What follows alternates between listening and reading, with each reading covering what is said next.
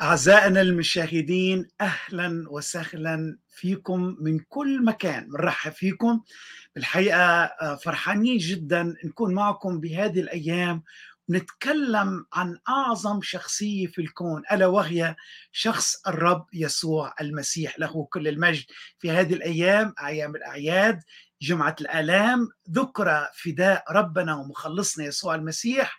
نشكر الله من أجل هذا الرجاء الحي الذي لنا بفادينا ومخلصنا الرب يسوع المسيح. اليوم في عنا حلقة في غاية الأهمية. والحلقة مأخوذة من رسالة بولس الرسول إلى أهل كورنثوس الرسالة الأولى ومن الإصحاح الخامس.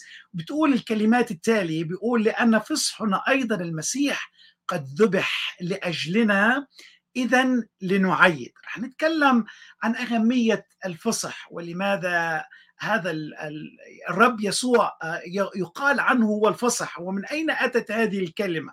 ولكن دعوني في بداية هذه الحلقة أحبائي المشاهدين أرحب بضيوفي الغاليين على قلب الرب وعلى قلبي شخصيا وأنا متأكد أنه إذا أنتم عم بتتابعوا قناة الأرامية لا شك تعرفتوا عليهم.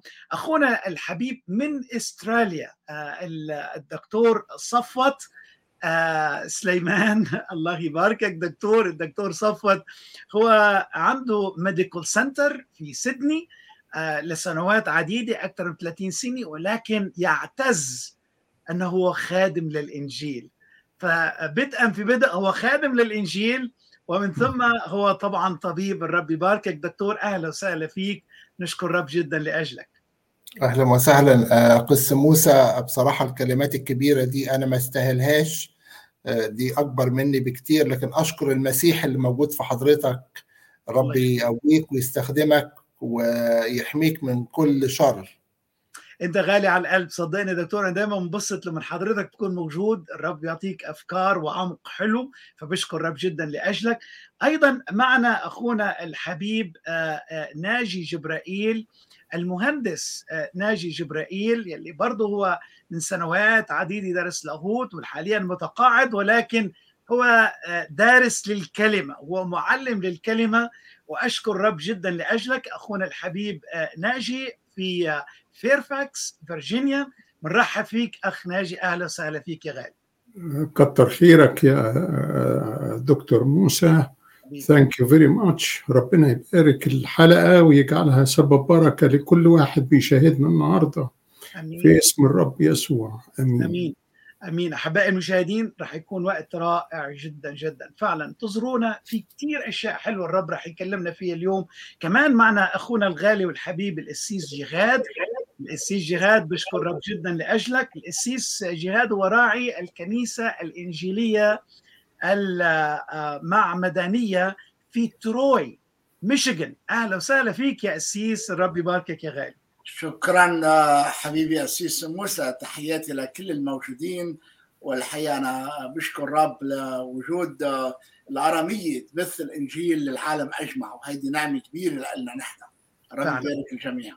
فعلا فعلا. الرب يباركك. شكرا اسيس جهاد أحبائنا المشاهدين نحن آه نحن على طبعا هالأيام الرائعة والمباركة جدا بتذكرنا بأعظم قصة حب دونت في أول تاريخ البشرية فداء الرب يسوع المسيح له كل المجد. وبولس الرسول بيعرفنا وبيقول إن يسوع فصحنا قد ذبح. لماذا سمي يسوع الفصح أو يسوع فصحنا وقد ذبح؟ ولو مشان نقدر نفهم وما تفتكروا إنه نحن عم نعمل اجتهادات نحن كل شيء بنقوله أحبائي المشاهدين هو من وحي ومن نص الكتاب المقدس. رح أقرأ لكم النص تماما.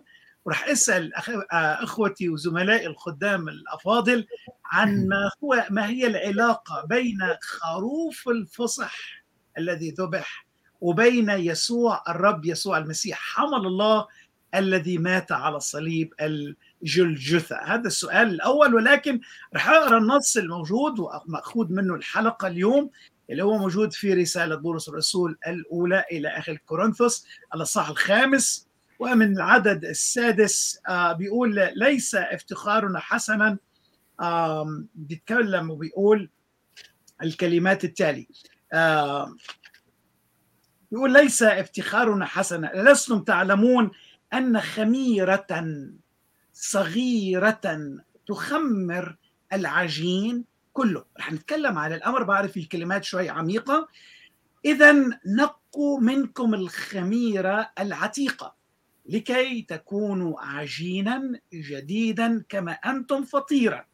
في عجين في فطير في خميرة كلها طبعا الناس اللي عم بتكلم معهم بولس رسول فهمانين كل الأمر خاصة اللي بيعرفوا الأعياد أعياد الله الموجودة في العهد القديم. بيقول لأن فصحنا أيضا المسيح قد ذبح لأجلنا.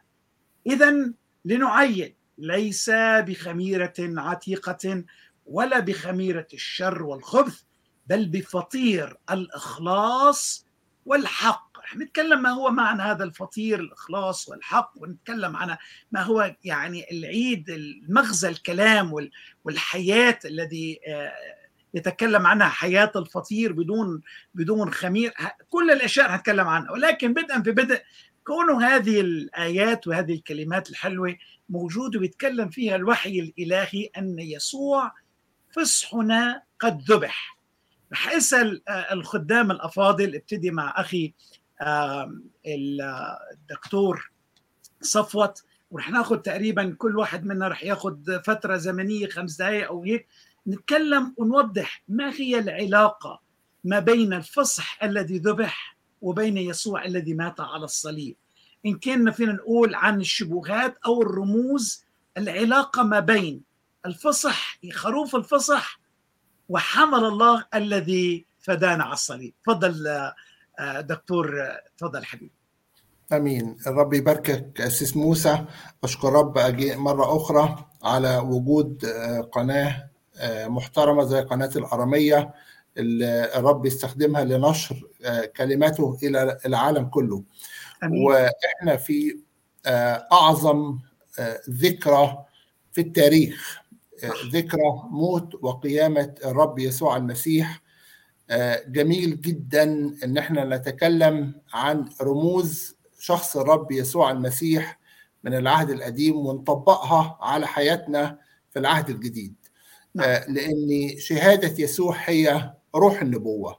صح. بنلاقي الرب يسوع المسيح في كل صفحة من صفحات الكتاب المقدس كتاب الله الوحيد اللي بين إيدينا الموجود على الأرض. مفيش حاجة اسمها ديانات سماوية لكن في شخص إحنا بنتبعه شخص الرب يسوع المسيح اللي هو مات وقام مات من أجل خطايانا وأقيم لأجل تبريرنا. حلو قوي الرمز إن خروف الفصح والرسول بولس في خروج 12 رسول بولس اقتبسوا وقال ان فصحنا المسيح. ليه فصحنا المسيح لأن خروف الفصح فيه تشابهات كثيرة مع الرب يسوع المسيح. والرمز يعني بيدي صورة باهتة للحقيقة. فلو اتكلمنا عن الرمز من خروج 12 آآ آآ نلاقي إن قبل خروف الفصح كان فيه تسع ضربات على أرض مصر الرب سمح بهم واستخدم فيهم موسى وهارون. لتوصيل هذه الضربات إلى أرض مصر. آخر ضربة الضربة التاسعة اللي هي ضربة كانت الظلام لمدة ثلاثة أيام على أرض مصر.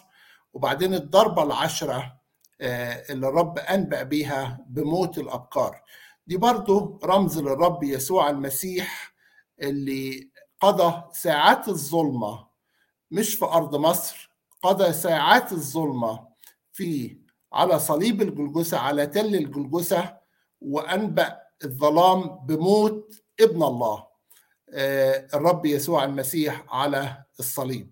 يعني كان في ظلام لمدة ثلاثة أيام وبعدين مات الأبكار فبرضه دوت رمز للرب يسوع المسيح الذي أسلم نفسه بعد ساعات الظلمة. زي ما إحنا عارفين الرب قضى على الصليب ست ساعات ثلاثة نهار كان. كان في ضوء الشمس كانت مشرقة وبعدين ثلاثة ظلمة. لأن يتعامل العدل الإلهي مع الرب يسوع المسيح على الصليب ده من خروج من من واحد إلى 11 بعد كده هو لو دخلنا على خروج 12 خروج 12 الرب آه تكلم آه أو نقدر نقول آه الرب نقل الشعب إلى أفكار جديدة قال لهم هاتوا خروف آه خروف وليه آه خصائص معينة هذا الخروف ويذبحوه وياخدوا اللحم يأكلونه مشويا في تلك الليلة وهنتكلم عن كل هذه الرموز ومعانيها وياخدوا الدم ويرشوه على العتبة العليا والقائمتين. علشان هيمر ملاك ملاك مهلك ويقتل الابكار كان في دينونة على كل أرض مصر في البيوت التي لا تحتمي في دم الخروف اللي هو إشارة إلى دم الرب يسوع المسيح.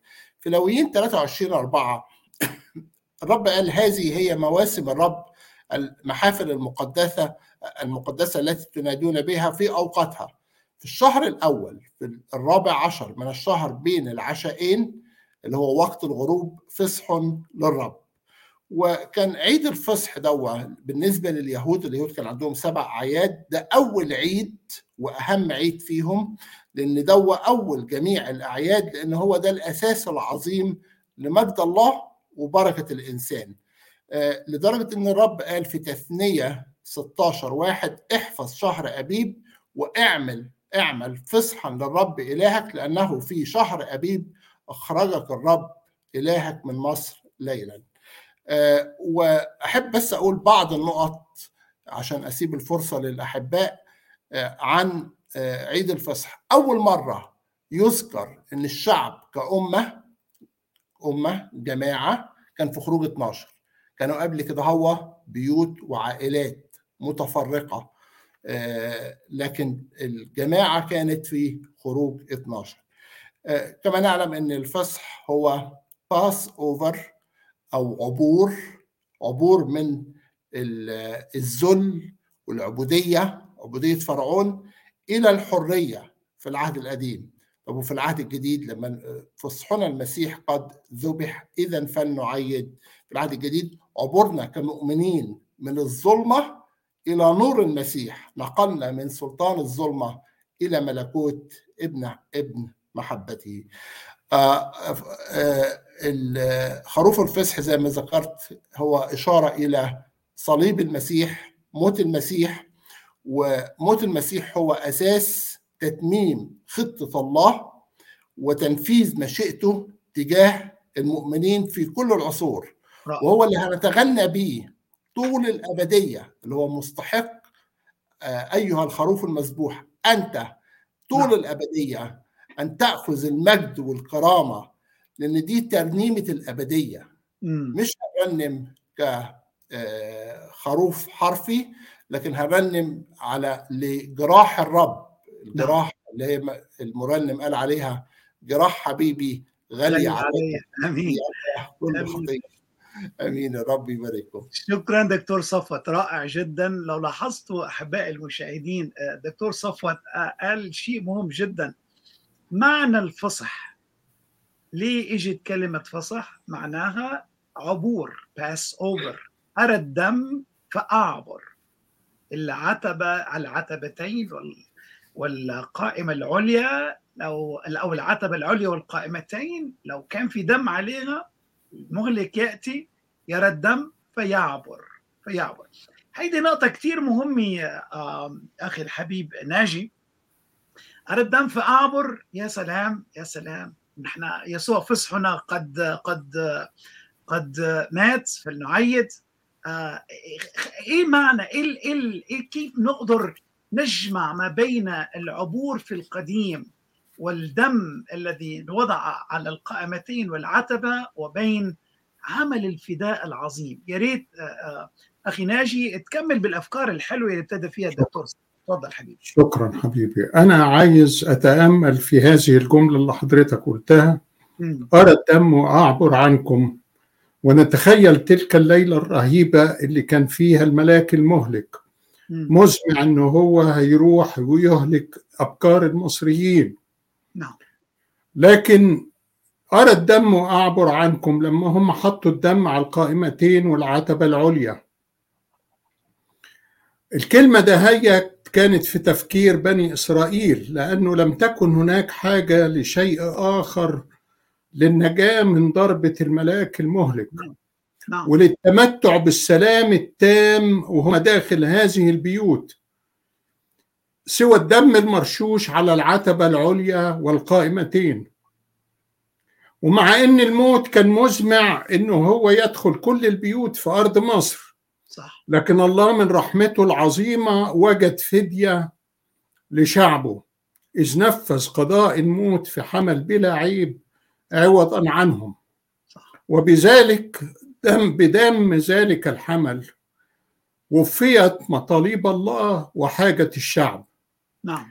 كل من وجد تحت حمى الدم كان ليه النجاة والأمان فلم يكونوا فقط مؤهلين للنجاة. لكن كانوا نجوا فعلا. ما يقال لا يقال إنهم كانوا يرجوا النجاة وهم داخل هذه البيوت ذات الأبواب المرشوشة بالدم. أو يصلوا علشان خاطر يخلصوا والملاك المهلك مش هيجي لهم.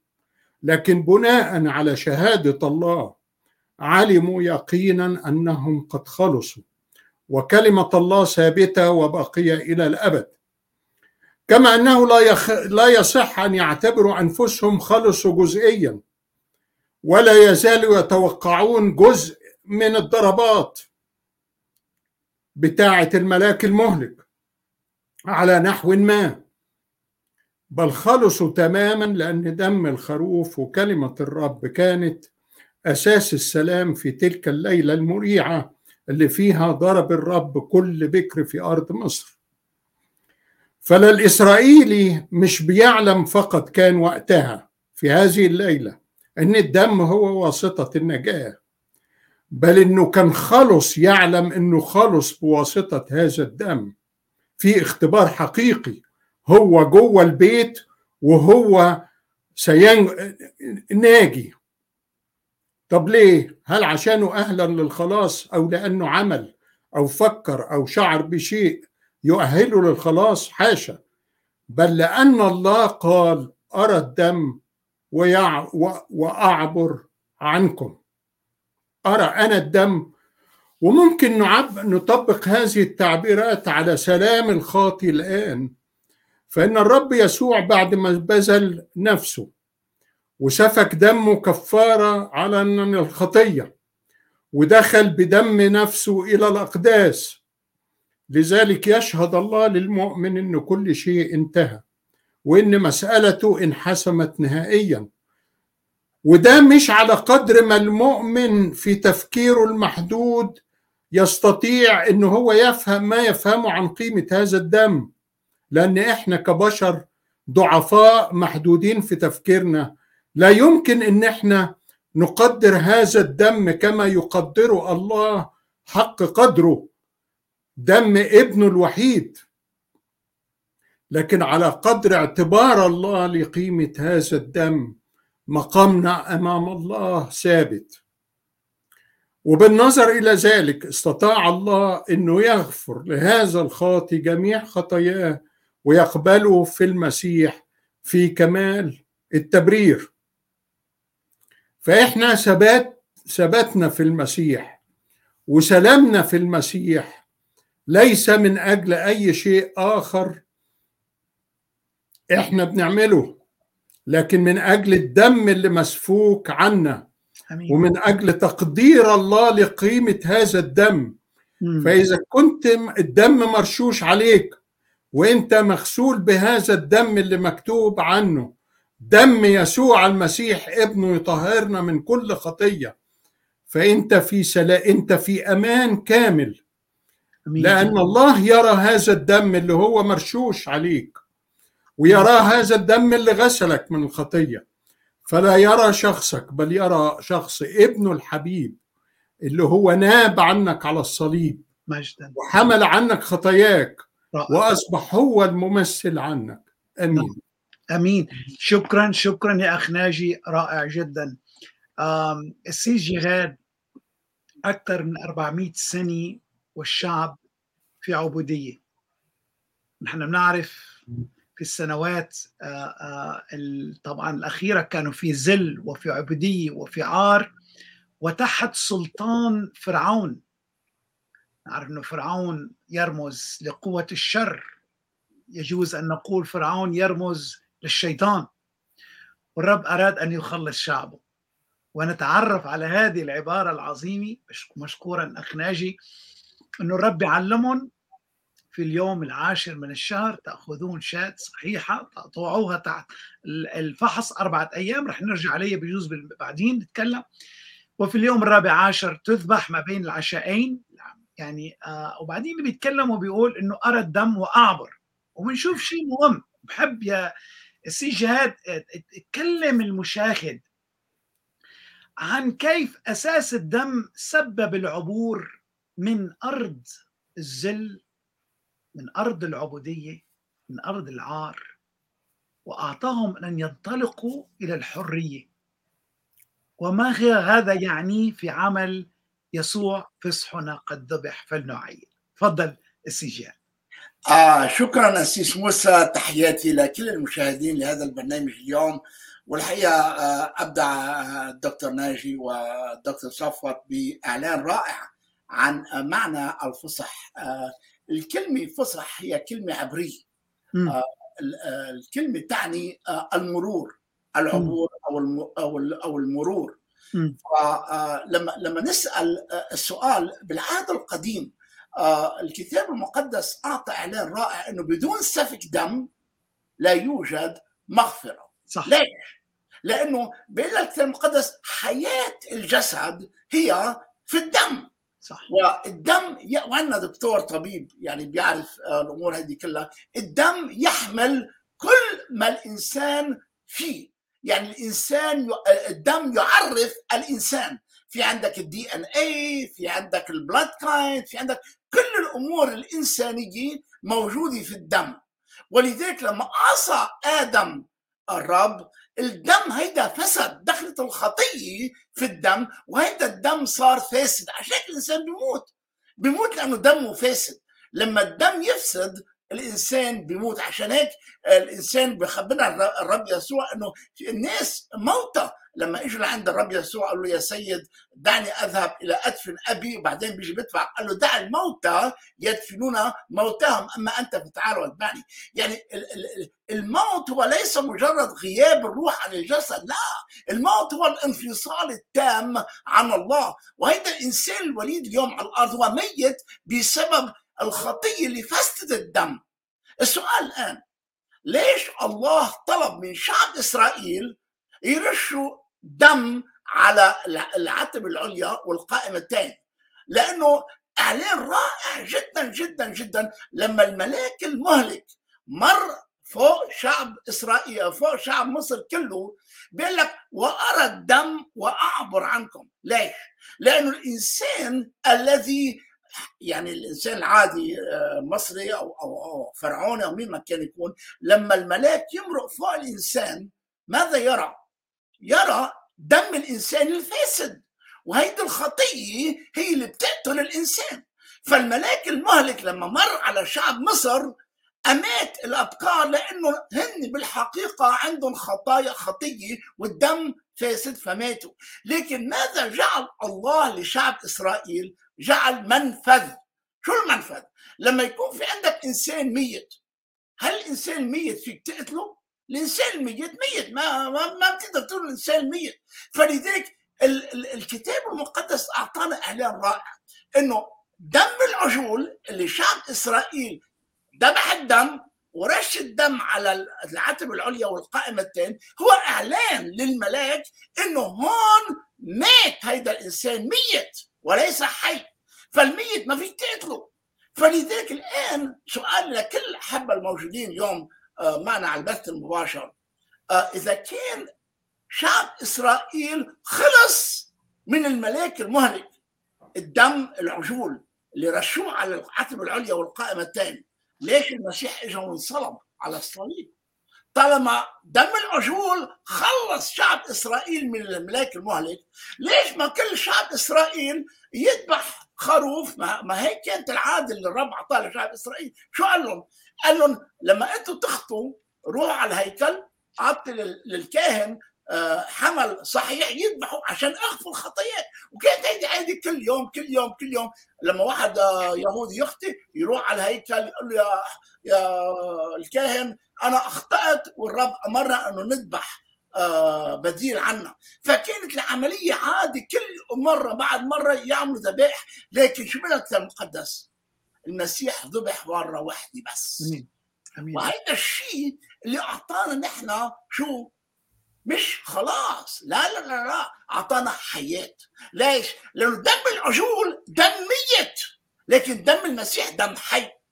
هذا الشيء المميز في دم المسيح وبدون سفك دم لا يوجد مغفرة لأنه الإنسان لما يسفك دمه بيموت.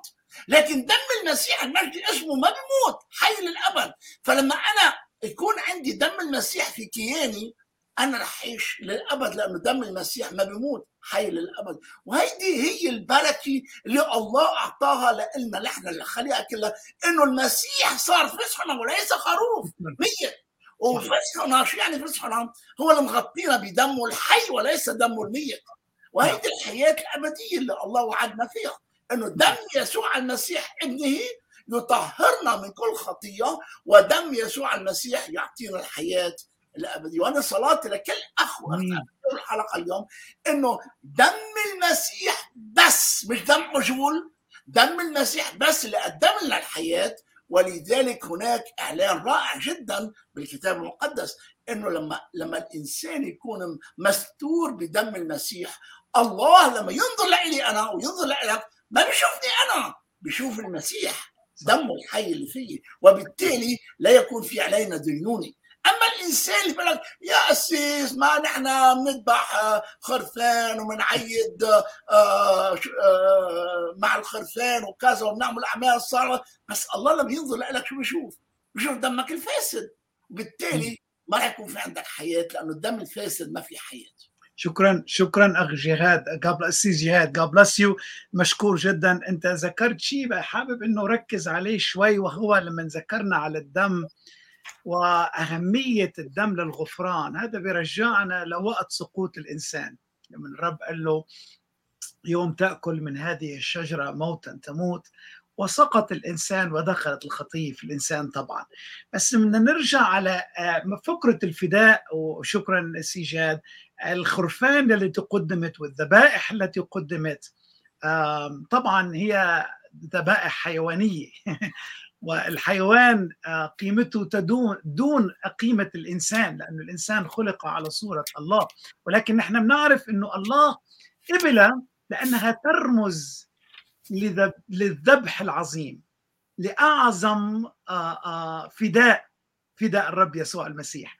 فكان كل هذه الذبائح هي إشارة ونحن قلنا في هي رموز. ماذا؟ يرمز الفصح يرمز لي ليسوع فصحنا الذي دم طاهر. وبخصوص الأمر آه، دكتور صفوت رح أقرأ بعض الآيات عن هذا الموضوع عن الدم المسيح المعروف سابقا قبل تأسيس العالم. أمين؟ ورح أتكلم رح أقرأ الآيات يلي عم تتكلم عن فدائنا وما هي أهمية سفك الدم إن كان في العهد القديم أو الذي ترمز لدم يسوع المسيح. في رسالة بطرس الأولى أحباء المشاهدين. الأصح الأول آه، بيقول بطرس الرسول كلمات تالية عالمين أنكم افتديتم. كلمة افتديتم يعني اشتريتم. لا بأشياء تفنى بفضة أو ذهب من سيرتكم الباطلة التي تقلدتموها من الآباء من الآباء. وهنا بقى بنجي للموضوع. بل بدم كريم كما من حمل بلا عيب ولا دنس. دم المسيح. لاحظ أريد إنك حضرتك تعقب عليه دكتور صفوت لأنه في آية عميقة جدا في الكلام. هذا الدم اللي افتدانا المعروفا سابقا قبل تأسيس العالم ولكن قد أظهر في الأزمنة الأخيرة من أجلكم. بعدين بيتكلم أنتم الذين به تؤمنون بالله الذي أقامهم الأموات وأعطاهم مجدا حتى أن إيمانكم ورجاءكم هما في الله وأهلما بس بدنا نيجي لهذا الموضوع لما لما كل الذبائح التي قدمت في القديم طبعا هي لا تخلص ولا فيها شيء قادر إنه يخلصنا ولكن الله قبلها. لا بل أول ذبيحة قدمت هي في الجنة عندما سقط الإنسان والرب كسى نفسه في ورق التين ولكن محبة له الرب كساه بجلد أي أول ذبيحة قدمت من خلال الرب قدمها عن آدم وعن حواء. وطبعا أنا بؤمن إنه آخر ذبيحة قدمت برضه يسوع قدمها هو نفسه ذاته. بس رح أعطي المجال لك دكتور صفوت يا ريت تعقب لنا عن أهمية دم المسيح يا غالي. تفضل. آمين. آه عشان نفهم أهمية دم المسيح آه الرب يرتقي بفكر الإنسان آه من من تكوين واحد لغاية لما نوصل إلى خروج 12 لغاية لما نوصل إلى الأناجيل في العهد الجديد لغاية لما نوصل إلى سفر الرؤيا في ارتقاء في المستوى التفكير الإنساني نعم. يعني في الحقبة الزمنية من تكوين واحد إلى خروج 12 حوالي 2500 سنة. آه وبعدين من خروج 12 إلى آه إلى الأناجيل حوالي 1500 سنة مجيء المسيح. ال 2500 سنة دي آه الرب ارتقى بفكر الإنسان. عاوز أقرأ بس من الكتاب من خروج 12 عشان المشاهد يكون معانا. نعم. الكلام يكون واضح. لما بيقول ان كلم الرب موسى وهارون. موسى رمز للعدالة الإلهية.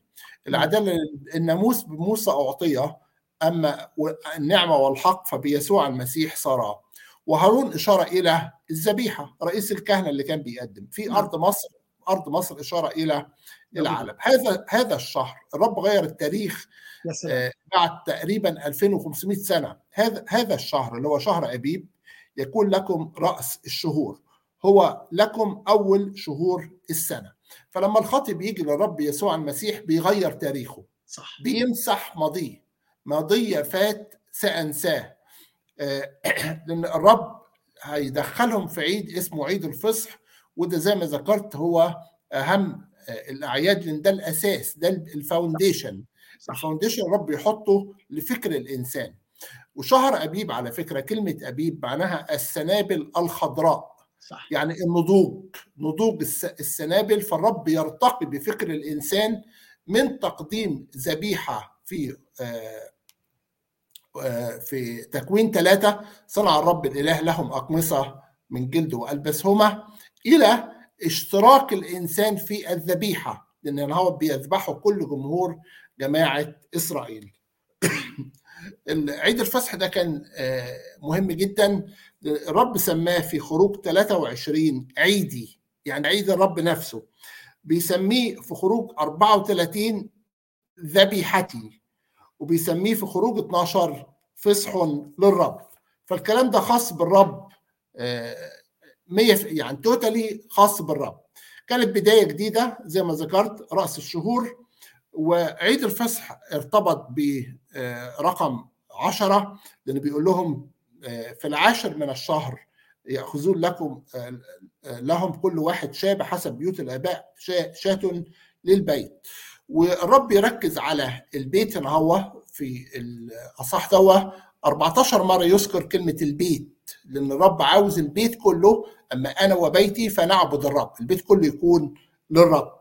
رقم 10 زي ما إحنا عارفين هو رقم المسؤولية في كلمة الله. ولما الإنسان أثبت فشله لمدة تقريبا 2500 سنة كانت الحاجة إلى دم الحمل. لما نقول دم المسيح مش الدم الفيزيكال نفسه لكن حياة المسيح. نحن نخلص بتقديم المسيح نفسه إذ قدم نفسه قربان وذبيحة لله. كان بيحفظوا الخروف إلى اليوم ال 14 و تحت الفحص والامتحان.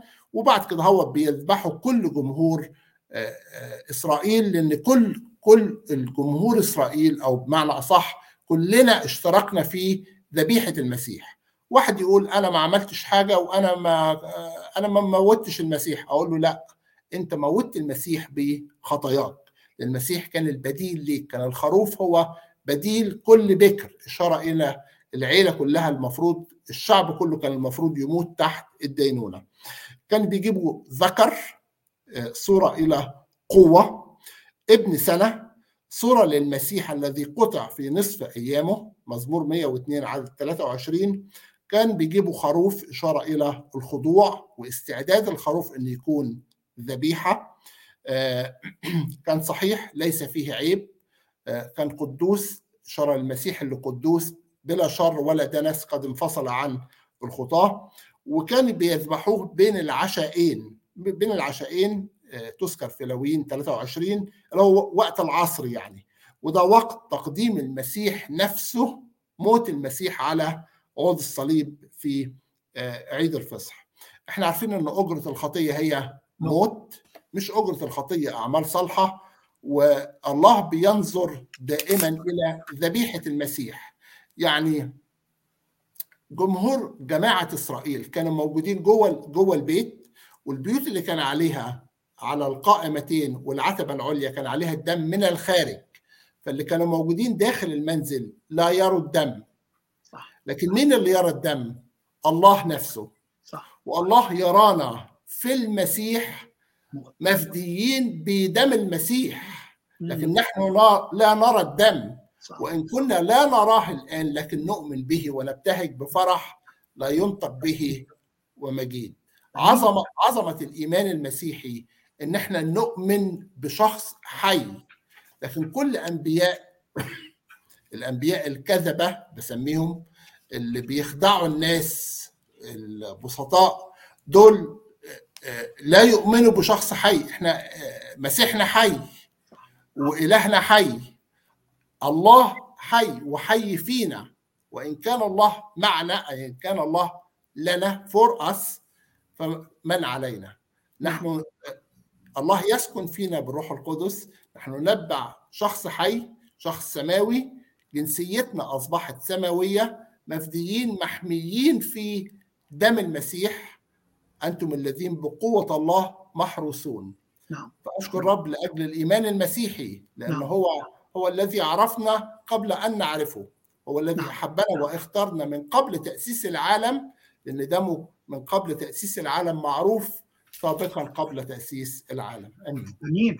شكرا دكتور صفوت. أحبائنا المشاهدين الحقيقة مثل ما ذكرنا موضوع عميق ومهم جدا جدا. نتعلم دروس كثيره عن الفصح في العهد القديم. آه، يسوع فصحنا قد ذبح بسبب الفصح أو خروف الفصح ودم الخروف في العهد القديم. الموت عبر عن البيت والموت بيعبر عن حياتك وعن حياتي عندما أنت تتغسل بدم المسيح. الطريقة الوحيدة اللي نحن بنقدر نتصالح مع الله من خلال يسوع الذي فدانا على الصليب ودم المسيح له كل المجد الذي بدون سفك دم لا تحصل مغفرة وبدون دم المسيح ما في مغفرة. وبعدين شيء رائع جدا مضطرين نطلع على فاصل ولكن وبعد فاصل رح نكمل ونسترسل بالحديث الحلو والرائع. نتذكر أحبائي أن الشعب في القديم كان في عبودية إلى أن وضع الدم سفك الدم وقدم الخروف الفصح وعلى أساس خروف الفصح النجاة من الموت وعبروا من العبودية للحرية وهذا ما فعله يسوع لنا أحبائنا المشاهدين. ابقوا معنا سوف نكون بعد قليل. نرجع نعود بعد ما أحبائنا بيشاركونا عن خدمة الآرامية. الرب يبارك عمل الآرامية. ابقوا معنا. أمين.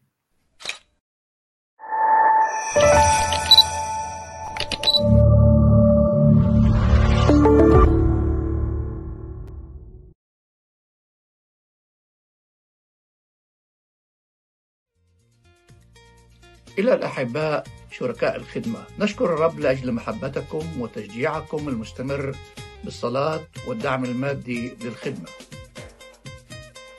لقد وقفتم معنا منذ أول يوم وحتى الآن.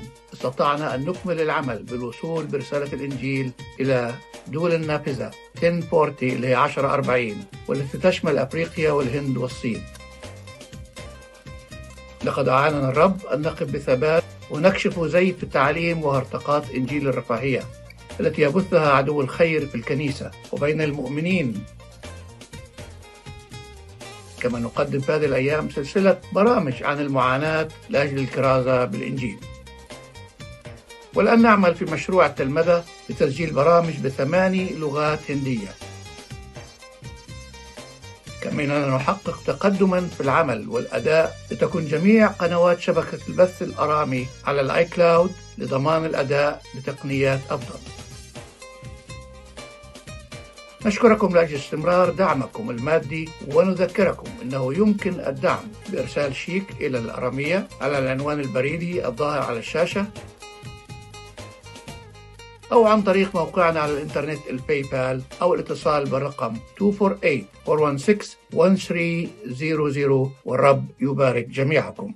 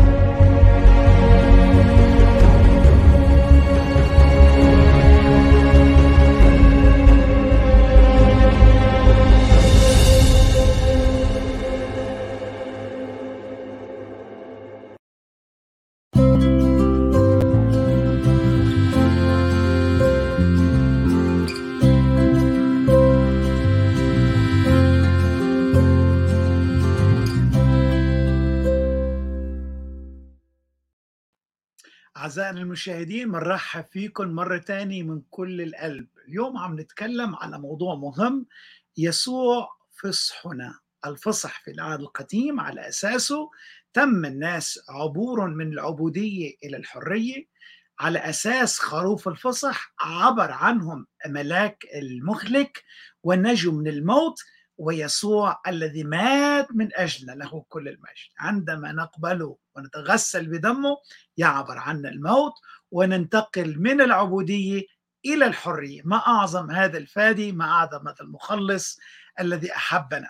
معنا أحبائنا الغاليين ضيوف البرنامج الأخ ناجي جبرائيل آه الدكتور دكتور صفوت الأخ ناجي اسال الأخ ناجي ساله الأسي جهاد خدام رائعين مباركين شاركونا بخدمات حلوة. وكنت حبيت أسأل أخي آه ناجي رح أقرأ بعض الآيات دكتور ناجي عن آه برضو عمل المسيح ودم المسيح كون المسيح فصحنا ومش عايز يعني الناس تضيع ما بين آه الذبائح العديدة والذبيحة الكاملة. هللويا. الذبيحة الإلهية. هي أعظم شيء. يعني أنا حابب أقرأ بعض الآيات وحابب حضرتك تعقب على الموضوع من آه عبرانيين الإصحاح التاسع وعدد 11 بيقول لنا الكلام التالي آه وأما المسيح وهو قد جاء رئيس كهنة للخيرات العتيدة فبالمسكن الأعظم والأكمل غير المصنوع بيد أي الذي ليس من هذه الخليقة ولا بدم تيوس وعجول. ما هذه كانت تقدم في الماضي. ذكر أخونا الحبيب عن تم التيوس والعجول وال والخرفان وكله. هذا كلها مادي أمور مادية. ولكن لاحظوا عن عمل الله العجيب ودم يسوع المسيح له كل مجد. وليس بدم تيوس وعجول بل بدم نفسه. دخل مرة واحدة إلى الأقداس فوجد فداء أبديا لأنه إن كان دم ثيران وتيوس ورمادة عجلة مرشوشة على المنجسين يقدس إلى طهارة الجسد. تكلم كاتب العبرانيين فكم بالحري يكون دم المسيح الذي بروح أزلي قدم نفسه لله بلا عيب يطهر ضمائركم من أعمال ميتة لتخدموا الله الحي. يا سلام يا سلام. كأنه كاتب العبرانيين عم بيقول يعني ما في مقارنة ما في التيوس والعجول وال ما فيش المقارنه لا لا كانت رموز كانت رموز. آه الله قبلها ليه؟ لأنه في شيء عظيم لأنه في دم أزلي لأنه في دم طاهر هللويا. يا ريت حبيبنا الغالي آه أخي ناجي تعقب لنا عن عظمة يسوع فصحنا وهذا الفداء العجيب المجيد الذي تم على خشبة الصليب. تفضل. شكرا شكرا يا حضرة الأسيس. الحقيقة سفر العبرانيين سفر غني جدا بهذه الأفكار العظيمة عن كمال وروعة ذبيحة المسيح الكاملة على الصليب وكفايتها كاملة للتكفير عن خطايانا. وأنصح كل واحد مؤمن أنه يقرأ سفر العبرانيين خاصة إصحاح سبعة وتسعة وعشرة. في إزاي كمال ذبيحة المسيح تقدم. غير العدد اللي حضرتك تفضلت وقلته. بيقول في إصحاح سبعة عن المسيح لأنه كان يليق بنا رئيس كهنة مثل هذا. قدوس بلا شر ولا دنس قد انفصل عن الخطاة وصار أعلى من السماوات. نعم. الذي ليس له اضطرار كل يوم مثل رؤساء الكهنة. أن يقدم ذبائح أولا عن خطايا نفسه ثم عن خطايا الشعب لأنه فعل هذا مرة واحدة. نعم. قدم نفسه. في إصحاح تسعة يقول كمان كل شيء تقريبا يتطهر حسب الناموس بالدم. نعم. وبدون سفك دم لا تحصل مغفرة. نعم. مش ممكن. مستحيل قدام الله القبول من غير سفك هذا الدم. نعم. وبعدين يقول إيه المسيح إنه ما بيضطرش دلوقتي إنه يدخل إلى أقداس لم يدخل إلى أقداس مصنوعة بيد أشباه الحقيقية بل إلى السماء عينها دخل بدم نفسه دخل بكمال ذبيحته بعد ما عملها ليظهر الآن أمام الله أمام وجه الله لأجلنا. ولا يقدم نفسه مرارا كثيرا كما يدخل رئيس الكهنة إلى الأقداس كل سنة بدم آخر. لكن امال عمل إيه؟ قد اظهر مرة عند انقضاء الدهور ليبطل الخطية بذبيحه نفسه. ويقول بعديها هكذا المسيح أيضا بعدما قدم مرة لكي يحمل خطايا كثيرين سيظهر ثانية بلا خطية. في اصحاح عشرة يثبت هذه الفكرة أكتر فيقول إيه؟ بهذه المشيئة ده عدد مهم جدا جدا جدا. بهذه المشيئة نحن مقدسون بتقديم جسد يسوع المسيح مرة واحدة. اتقدم مرة واحدة على الصليب هذه المرة كافية أنها تكفر عن جميع خطايا البشر اللي ارتكبوها من آدم إلى آخر إنسان سوف يكون على هذه الأرض ليه؟ لأنه في جلال شخصه وفي قيمة ذبيحته لأنه هو ابن الله الحي الأزلي الأبدي المساوي للآب في والواحد معاه في جوهره نعم. هذه الذبيحة استطاع إنه بيها يكفر عن جميع خطايا الناس. نعم. ففي ساعات الصليب المحدودة استطاع أن يكفر أكثر جدا ممن لو كان كل الخطاة في الأبدية بيعانوا من جراء خطاياهم ومن نتائج خطاياهم ومن عقاب خطاياهم. ذبيحته تستطيع أن تفعل أكثر من ذلك. لأنه رب الأرباب وملك الملوك. آمين. الله الظاهر في الجسد.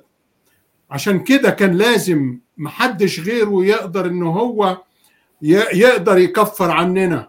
ولا يقف امام أمامنا لأجلنا أمام الآب. صح. قربان واحد استطاع إنه يكمل إلى الأبد المقدسين. المجد. لأنه بيقول إيه؟ كل كاهن يقوم كل يوم. يخدم ويقدم مرارا تلك الذبائح عينها التي لا تستطيع البتة أن تنزع الخطية نعم. فكل سنة بتك... كل بتتقدم باستمرار وأما هذا فبعدما قدم عن الخطايا ذبيحة واحدة مم. جلس إلى الأبد عن يمين الله مم. منتظرا بعد ذلك حتى توضع أعداؤه موطئا لقدميه لأنه. بقربان واحد. قد أكمل إلى الأبد المقدسين. ده أساس سلامنا. ده أساس لما إحنا بنواجه الأبدية في أواخر أيام حياتنا. نواجهها لأنه جعل الذي لم يعرف خطية خطية لأجلنا. لنصير نحن بر الله فيه. نعم. هو جوع الخطية لأجلنا. وحمل الدينونة كاملة وحمل خطايانا كاملة مش بس الدينونة. لكي يعطينا مش بس غفران لخطايانا يعطينا قداسة وحياة البر التي بها نستطيع أن نتوافق مع الله. ليه؟ لأنه خد خطايانا لكي يعطينا بره. صح. خد اللي نستحقه نحن علشان نأخذ نحن ما يستحقه هو. أخذ هو مركزنا علشان نستطيع إن إحنا نأخذ مركزه. رضى إن هو يجوز في ساعات الظلمة عشان نستطيع إن إحنا نتمتع بنور وجهه إلى الأبد. أمين. أمين. أمين. شكرا. شكرا أخ ناجي. رائع. كلمات رائعة جدا. أفتكر احبائي المشاهدين إحنا قدرنا نفهم عظمة آه، فداء المسيح على الصليب. من الكلمات الرائعة جدا فكر الفصح هذا الخروف الذي على أساسه تم عبور الغضب عبور الموت الإنقاذ من العبودية. يسوع هو على أساس دمه فقط دم المسيح ما في غيره. يعبرنا من الموت إلى الحياة من سلطان الظلمة إلى ملكوت ابن المحبة على أساس الدم ما فيش غير دم. في بدي أسأل السيس جهاد آم، العبارة اللي نحن عم نتكلم فيها كونوا فهمنا ما هو معنى الفصح. فبولس يتكلم مع أهل كورنثوس ويقول آه، لأن فصحنا أيضا المسيح قد ذبح لأجلنا اذا لنعيد. اذا لنعيد. فاذا بعد ما آه، آه، مات المسيح أو طبعا في العهد القديم آه، ذبحوا الفصح وبعدين عيدوا كان في عيد اسمه عيد الفطير. ورح نتكلم أكثر فيما بعد على ما معنى هو عيد الفطير. بس آه، ما هو ما هو ما هي الصلة السيس جهاد ما بين؟ إن يسوع فصحنا قد ذبح والعباره اللي بعدها مباشرة فلنعيد. تفضل. آه شكرا سيس موسى. الحقيقة اللغة العبرية آه في لها معاني كبيرة ونستخدمها بالعربي. في كثير من الأحيان بنردد الكلام بس نحن ما بنعرف بالضبط شو بتعني الكلمة. آه في كلمتين آه مستخدمين بالكتاب المقدس الكفارة والفداء. الكفارة والفداء. كلمة كفارة باللغة العبرية تعني الستر. الستر. فكلمة كافر باللغة العربية فلان كافر. شو يعني كافر؟ يعني ساتر. لما بقول فلان كافر ساتر. الستر يأتي من مرحلتين يا أما بتستر الحق يا أما بتستر الباطل. م. المسيح كفارتنا أنه ستر الباطل ستر خطايانا. فلما الله ينظر لنا بيشوف الكافر علينا. كفارتنا هو المسيح. فستر المسيح خطايانا بشخصه المبارك الحي. فلما الله ينظر لنا ما بيشوف خطايانا بيشوف مين؟ المسيح. فالمسيح كفارتنا. اللغة العربية ما بتعطي إعلان واضح بالنسبة للكافر. هناك من يستر الحق بالباطل وبالتالي هناك الكافر الذي لا يشير للحق وهناك الكافر الذي لا لا يشير للباطل. فلذلك الكلمة الكافر هي كلمة عبرية وليست عربية. وبالانجليزي بتيجي كلمة كفر بالإنجليزي cover يستر. I cover myself with clothes. أنا بستر نفس نفسي بالثياب. فلما الناس ينظروا لإلي ما بيشوفوا جسم العار بيشوفوا ثيابي. فالله لما ينظر للمسيح اللي هو غطاؤنا ما بيشوفنا اللي قلنا بيشوف مين غطاؤنا اللي هو مين؟ المسيح. هيدي الكلمة رائعة جدا جدا جدا بالعلاقة بين الله وبيننا نحن. هاي نمرة واحد. نمرة اثنين بالنسبة للفداء المسيح فداؤنا. شو يعني فداؤنا؟ المسيح فادية. ماذا تعني كلمة فادي؟ آه الفادي لا يجوز أن يكون غريب. أنت لا تفدي ما ليس ملكك. يعني آه آه في في شخص عزيز علي صديق ربينا أنا وياه مع بعض خطفوا الارهابيين بلبنان وأرسلوا رسالة فديه لبيو كان مليونير بيو كان تاجر الماظ ببيروت فقالوا له بدك تدفع لنا 5 مليون 5 مليون دولار فديه من أجل إطلاق سراح ابنك اسمه سيمون صديق عزيز علي.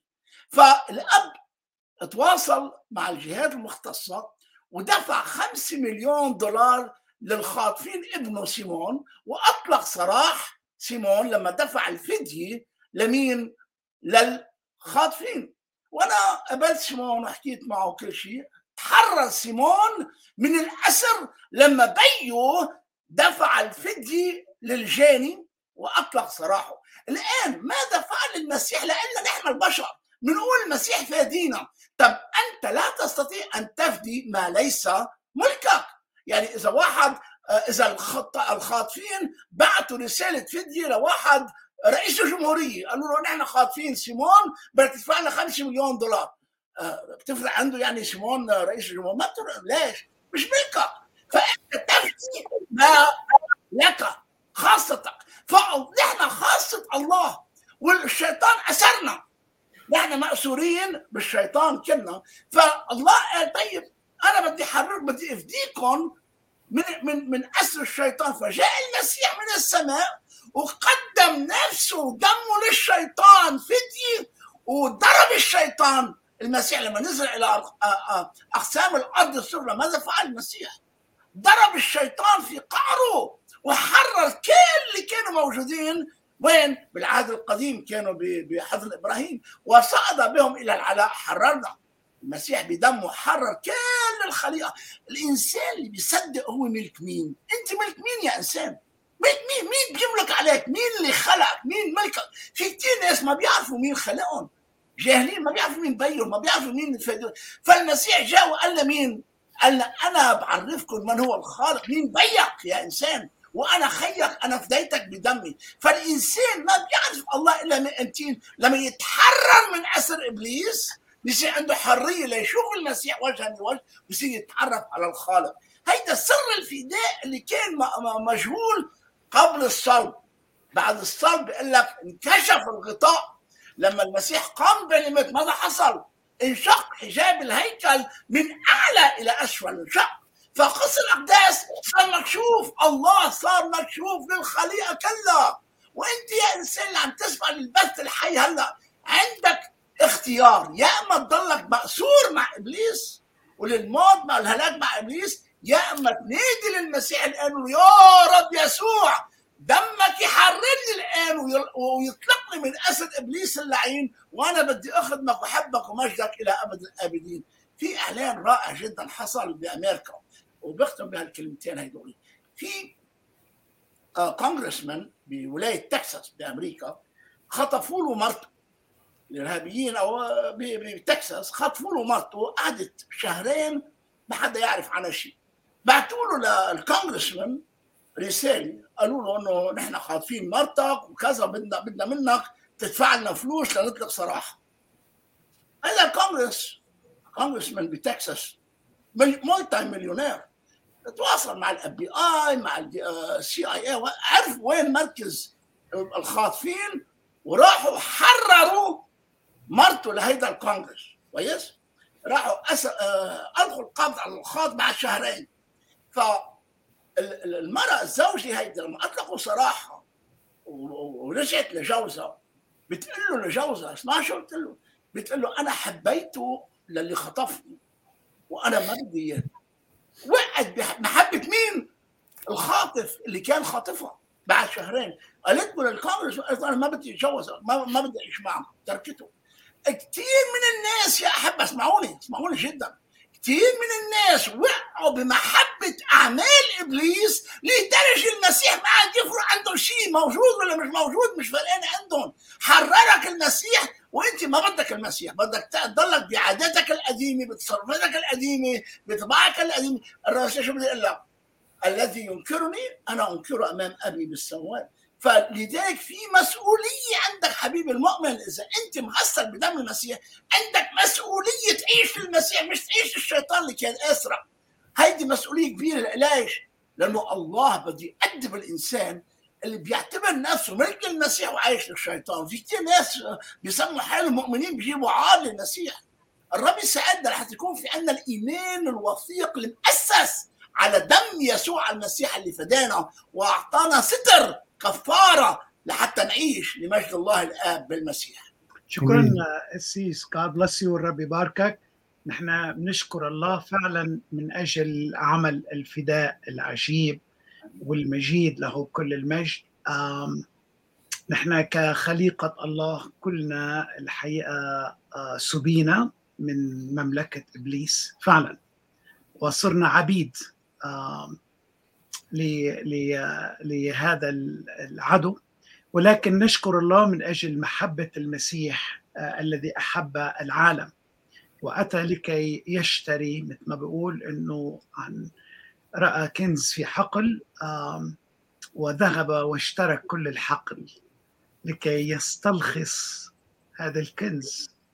والكنز هو الكنيسة له كل المجد. ما أعظم حبه لنا ما أعظم فداء لنا. وطبعا الله احبائي المشاهدين الله هو اللي من الإنسان أعطاه الحرية قال له من جميع شجر الجنة تأكل اكلا. وأما من شجرة معرفة الخير والشر لا تأكل منها لأن يوم تأكل منها موتا تموت. هذا قانون الله هذا قانون الله. فاذا ما في شيء بيقدر يكسر قانون الله والله لا يكسر قانونه من أجل ذلك كان لابد من الفداء. وفي هذا الوقت يعني لما سقط الإنسان سامحوني بس أعقب على نقطة مهمة جدا نقدر نفهمها بالنسبة للفداء. لما سقط الإنسان. الرب تكلم مع حواء تكلم مع آدم وبعدين تكلم مع الحية وقال يأتي من نسل المرأة من يسحق رأسك وأنت تسحقين عقبه. هذا كان يتكلم عن الرب يسوع المسيح. فعطل الإنسان الذي سقط في الخطية وصار عبد إبليس أنه يأتي النسل. هذه النقطة المهمة. مجيء النسل في الدم الأزلي الدم المعروف قبل تأسيس العالم دم ابن الله أرض العدالة الإلهية. يسوع قدم دمه فدية عن كل البشرية عن كل العالم الذي سباه إبليس لكي يرضي العدالة الإلهية. فنستطيع أن نطلق أحرار من قبضة إبليس. مشان هيك قدم دمه دمه في مثل ما ذكرنا في عبرانيين دخل مرة واحدة إلى قدس الأقداس له كل المجد فوجد لنا فداء ابديا. ما أعظم عمل دم الرب يسوع المسيح له كل المجد. دكتور عم بيقولوا لي بريك ان 5 minutes تقريبا مش صار ال 5 minutes. دكتور رح نرجع لك بعد البريك. احبائنا المشاهدين ابقوا معنا. موضوع في غاية الأهمية وعميق جدا. آه بعد الفاصل رح يكون في أفكار كثير حلوة عن عمل المسيح الكفاري وكيف أنت تختبر آه هذا العمل وهذه النعمة وهذا الخلاص بحياتك وتستطيع أن تقول المسيح فسح قد ذبح فأنا الآن سأعيد له كل المجد. ابقوا معنا. بعد فاصل قصير نعود.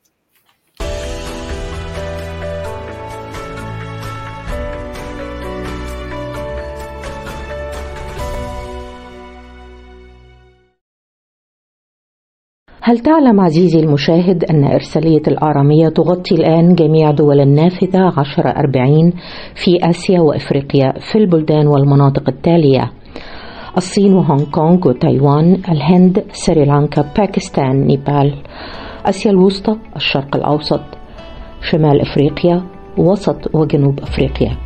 شمال أمريكا وأوروبا. هذه المناطق كلها يصلها البث من قنوات الآرامية عن طريق ثلاثة أقمار رئيسية وأكثر من 26 كيبل بالإضافة إلى الأجهزة والمنصات الرقمية الأخرى في جميع أنحاء هذه الدول. يقوم بإدارة وتنسيق برامج هذه المناطق سبعة من الخدام والمديرين. نشكر الرب الذي أعطانا بركات وفيرة في العمل منها الامتداد بالبث في الهند من خلال 15 كيبل إضافة برنامج على البث المباشر إلى الصين وآخر إلى الهند. الامتداد بالبث على المزيد من الكيبلات في وسط وجنوب إفريقيا. اختبارات مستمرة متجددة عن خلاص النفوس في إيران وأفغانستان. نعم لأنه يعظم انتصارنا بالذي أحبنا واثقين في وعده القائل. كل مكان تدوسه بطون أقدامكم يكون لكم وللرب وحده كل المجد إلى الأبد آمين.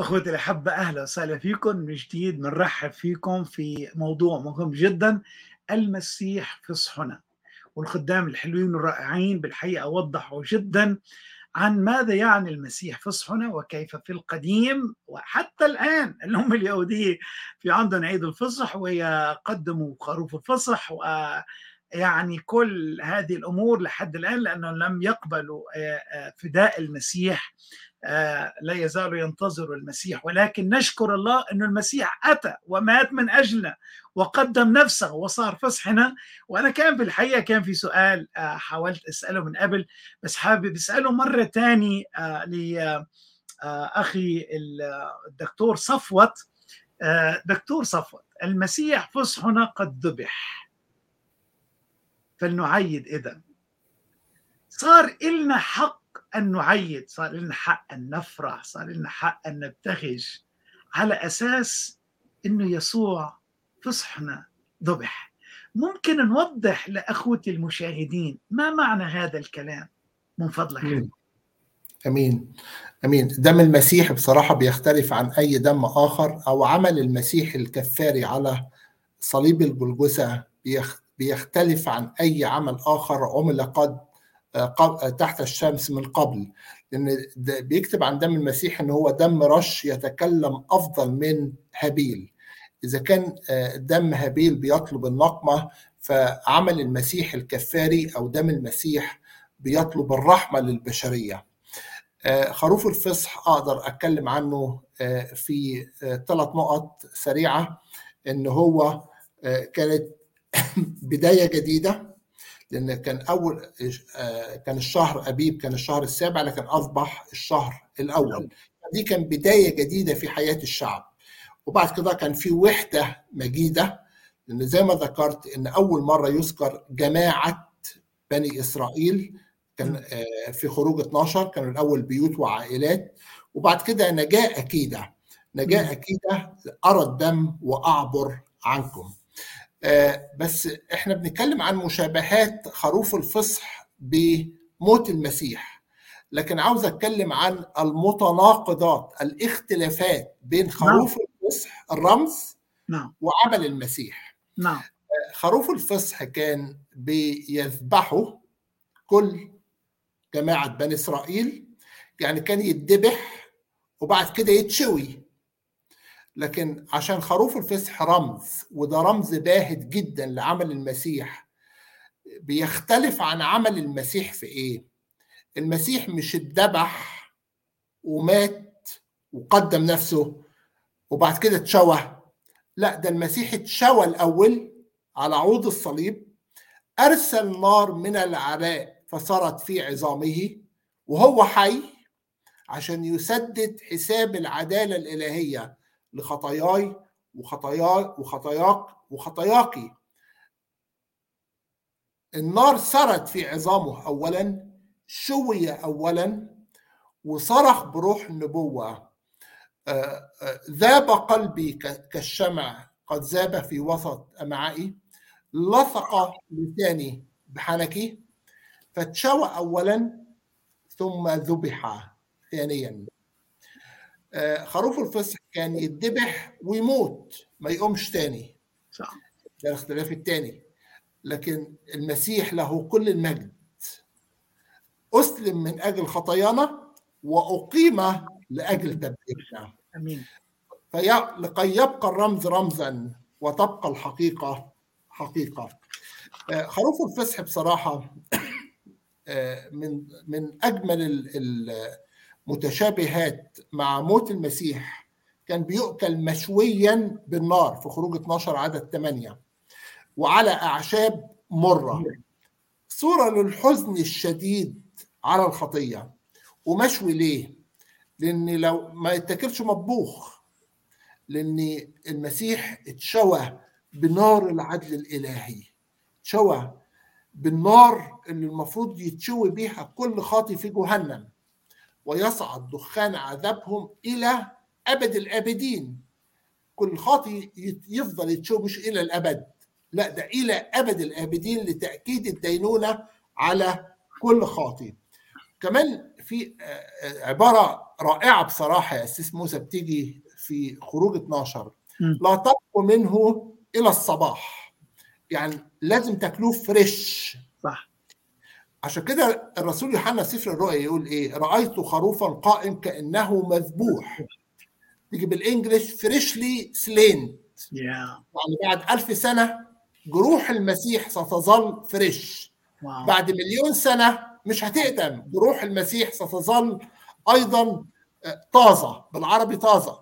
لازم تاكلوا منه مشوي ولا تبقوا منه إلى الصباح. بس علينا برضو مسؤولية. بيقول تأكلونه أحقاءكم مشدودة وأحذيتكم في أرجلكم وعصيكم في أيديكم وتأكلونه بعجلة. مم. ليه؟ استعداد للرحيل. صح. جين. إحنا غرباء ونزلاء مش عايشين في العالم على طول. ما حدش بيعيش في العالم وهو غريب على طول. يا إما إحنا هنروح له يا إما هو يجي ياخدنا. لأن الرب نفسه بهتاف بصوت رئيس ملائكة بقلاصه سوف ينزل من السماء الأموات في المسيح سيقومون اولا. نحن الأحياء نتغير وسنخطف جميعا معهم في السحب لنكون مع الرب كل حين. وهكذا نكون مع الرب كل حين. لذلك عزوا بعضكم بهذا الكلام. عشان كده في كورنثوس الأولى 11 يقول إيه؟ كل ما أكلتم من هذا الخبز ده موت المسيح شربتم من هذه الكأس دي إشارة إلى دم المسيح تخبرون بموت الرب إلى أن يجيء نخبر. إحنا علينا مسؤوليه إن إحنا نخبر. واشكر رب من أجل قناة الأرامية زي ما ذكرت اللي بتخبر إن الرب جاي. وفي دينونة في اختطاف. الرب ياخد المؤمنين والأشرار عليهم دينونة. غضب الله معلن من السماء على جميع فجور الناس واسمهم. آمين. آمين. مجدا للرب. شكرا. شكرا مقارنه جميله جدا. بفتكر كمان اخ ناجي لو رجعت انت قلت لي من البداية في عندك أشياء من خروج الصح 12 ومن هذا الاصحاح القيم جدا. هل في إسا أشياء أو رموز بتلاقيها ما بين خروج الصح 12 التعليم عن خروف الفصح وما بين يسوع فصحنا قد ذبح لو في أشياء بتحب تشاركها تفضل أخ ناجي. طيب شكرا. آه الكتاب بيقول لأن فصحنا أيضا مسيح قد ذبح لأجلنا. وبعدين يضيف يقول إيه؟ إذا لنعيد ليس بخميرة عتيقة نعم. ولا بخميرة الشر والخبث نعم. بل بفطير الإخلاص والحق. نعم. إيه اللي كان يجب أن يأكلوه بني إسرائيل مع الخروف؟ كانوا لازم يأكلوا الفطير وعلى أعشاب مرة. معلوم في كلمة الله في مواضع متعددة إن الخمير يكنى به عن الشر. صح. وده يبين ان اللي وجوب الانفصال عن الشر كنتيجة لازمة للي اغتسلوا من خطاياهم بدم الخروف وعليهم إنهم يشتركوا معاه حتى في آلامه. نعم. ولا يتفق مع الأكل من الخروف المشوي إلا الفطير الخالص. العيد المذكور هنا ليس لنعيد اذا لنعيد ليس بخميره عتيقه هو نفس ما يظهر في حياة الكنيسة وتصرفها الآن نعم. بالمقابله مع عيد الفطير عند شعب إسرائيل. فذلك الشعب كان بيعيد سبعة أي- أيام. صح. وعلى المؤمنين الآن إجمالا وأفرادا أن يعيدوا بالسلوك في القداسة العملية. كل أيام حياتهم عن على الأرض. صح. المعبر عنها بسبعة أيام وهي العدد الكامل. صح.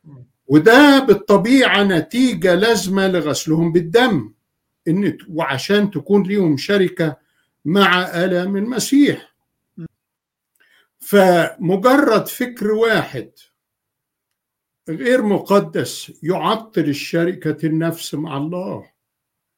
ولا يمكن رد النفس إلى شركة تلك الشركة إلا إذا تطهرت من دنسها بالاعتراف بالخطية المبني على شفاعة المسيح.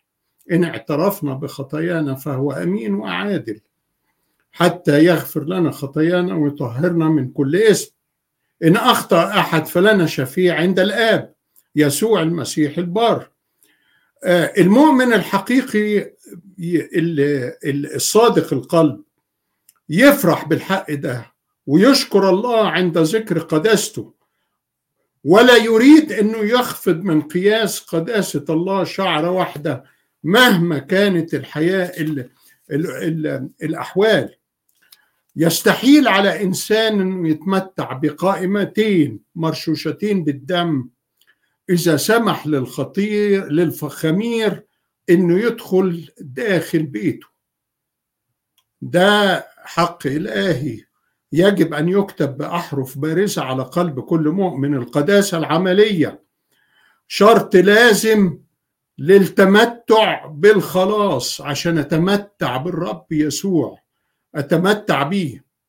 الإسرائيلي لم يخلص بالفطير بل بالدم. لكن الخمير يفصله عن الشركة مع الجماعة.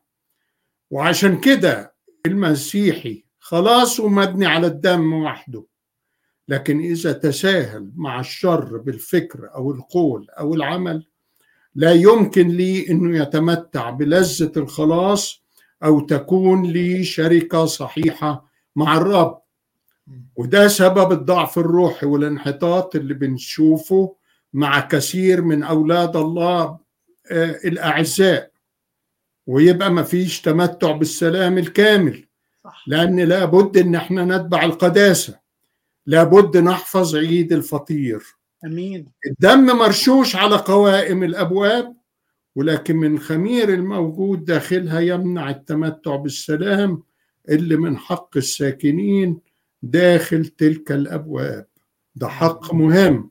لا نتساهل. النعمة لا تمنح النفس سلام بس خلاص بس. لكن تهبها طبيعة جديدة لذتها في الشركة مع الله لأنها طبيعة إلهية. إحنا شركاء الطبيعة الإلهية التي مفروض التي لا تستطيع أن تخطئ الطبيعة الإلهية اللي فينا. لأنها مولودة من الله. ومتى سلكنا بقوة هذه الطبيعة الجديدة؟ نعرف إزاي معنى عيد عيد الفطير. لأن الطبيعة الجديدة لا يوجد فيها خمير ولا تعرف خميرة الشر والخبث. بل هي من الله والله قدوس والله محبة. فإحنا ما ننقيش الخمير عشان نصلح الطبيعة العتيقة اللي لا يمكن إصلاحها ولا عشان ننال طبيعة جديدة لأن الطبيعة الجديدة صارت لينا حياة موجودة بسبب حياة المسيح فينا. لكن بقوة هذه الحياة ننزع الشر ولا يمكن نفهم معنى القداسة أو قوتها الحقيقية إلا متى أعتقنا من سلطان الخطية. أمين. آمين. شكرا. أخ ناجي أنت دخلت بموضوع مهم وفي غاية الأهمية. أحبائي المشاهدين الحقيقة أرجوكم أرجوكم خلينا يعني فعلا نفهم البعد الروحي الرائع والعظيم من كلمة الرب. المسيح فصحنا قد ذبح. رائع جدا تفسير ممتاز. فهمنا عن كيف أن الرب يسوع هو الحمل الله الذي يرفع خطية العالم. كل الذبائح التي في الماضي بأنواعها المختلفة كل أعياد الفصح بالماضي إلى أن أتى الرب يسوع وجلس مع التلاميذ وقال اشتهاء أشتهيت أن أكل هذا الفصح معكم. ويغير بقى يسوع كل الذبائح إلى نفسه ويقول خذوا كل هذا هو جسدي وهذا هو دمي. وهلما نبتدي عهد جديد في المسيح. بس النقطة الحلوة والرائعة جدا أخي ناجي بشكرك إن نبرت عليها إنه نبتدي الحياة لا نأكل الخمير بعد أن ذبح الخروف الفصح بعد ما أن قدم خروف الفصح. ولكن مع خروف الفصح نتناول فطير. هذا مهم جدا.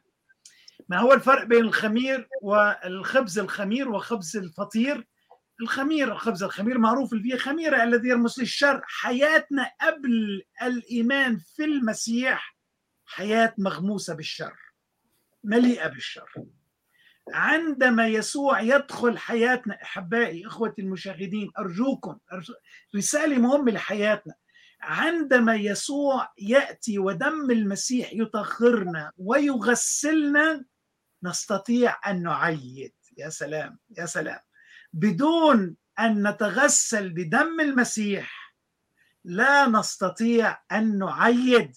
اللي بس الناس عم بتعيد والناس عم تفرح والناس عم تسهر والناس عم تبطر. أيوه هي أفراح عالمية دنيوية ولكن ليست أفراح إلهية سماوية.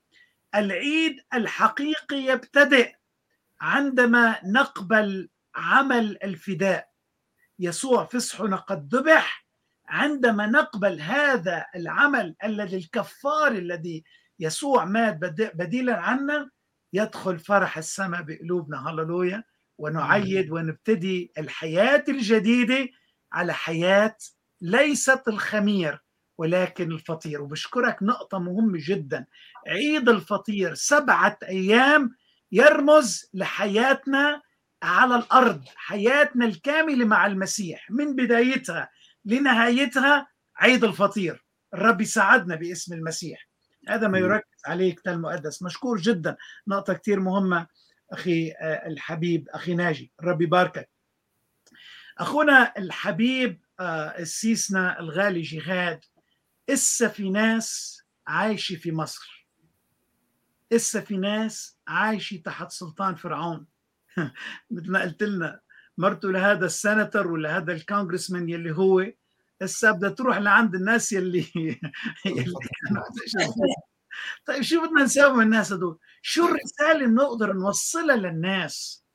يسوع مات، يسوع قدم نفسه، يسوع صار الطريق والحق والحياة من يعني يسوع تعرفون الحق والحق يحرركم بيحررنا من العبودية، ما هي رسالتنا؟ ونحن على أعتاب عيد قيامه الرب يسوع المسيح لكي يتمتع الناس بعيد إلهي، بعيد حقيقي بعيد التحرير وبعيد حياة القداسي. ما هي رسالتك للمشاهد يا أسيس جهاد بهذه المناسبة المهمة جدا؟ تفضل حبيبي.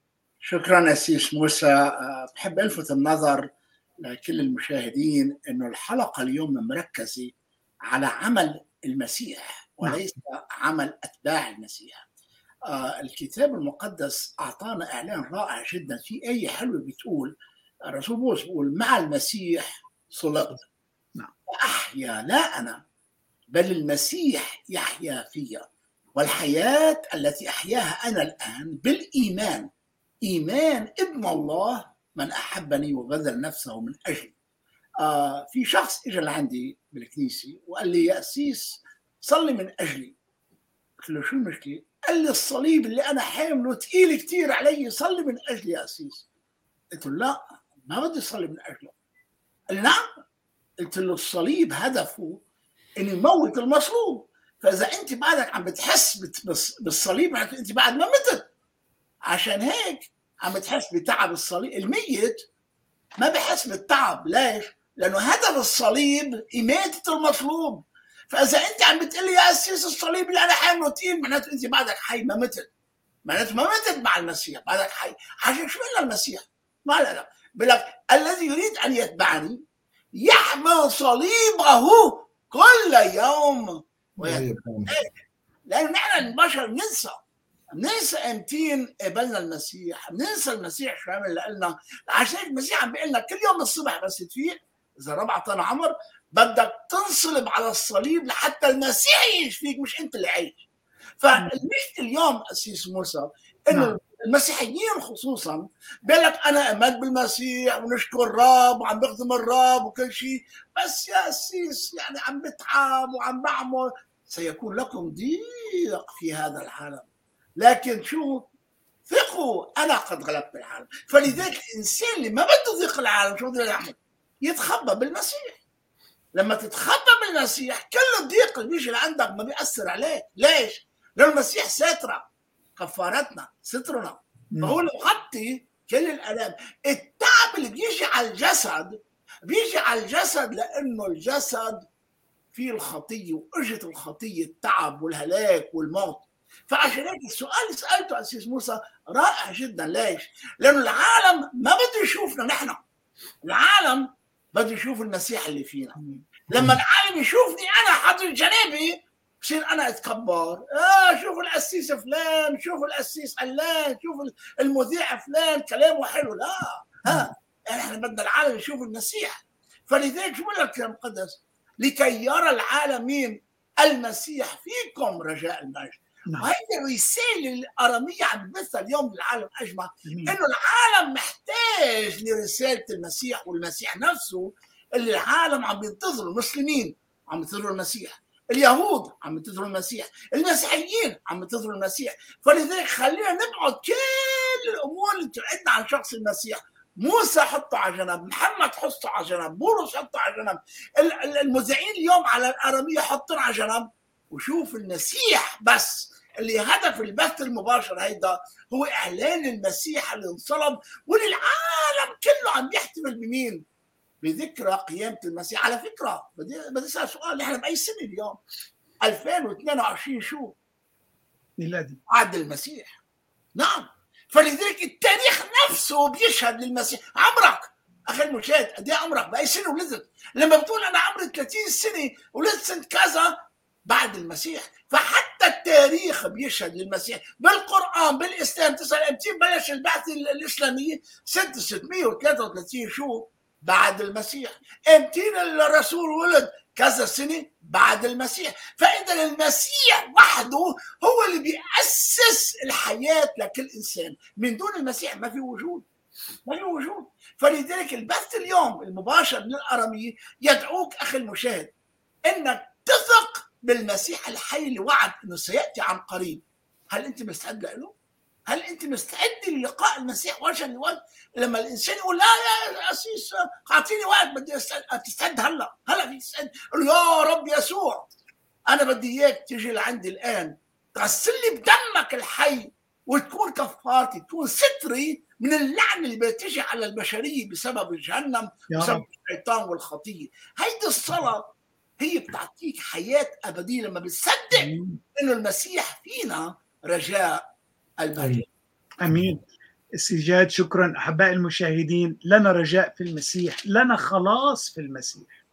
تبتدي السعادة والفرح الحقيقي في المسيح. في ترنيمة قديمة كنا نرنمها بفتكر أخوتي الخدام نعرفها ونتذكرها بتقول ما أبهج اليوم الذي آمنت فيه بالمسيح أضحى سروري كاملا ورن صوتي في المديح. بالحقيقة بهجه الحياة. آه فرح الحياة بيبتدي من نعرف هذا الذي فدانا له كل المجد. وعلى فكرة أحبائي المشاهدين لو قرينا بالإنجيل كل شخص تعرف على يسوع الفادي على تقابل معه شخصيا تغيرت حياته من انتقلت حياته من ال...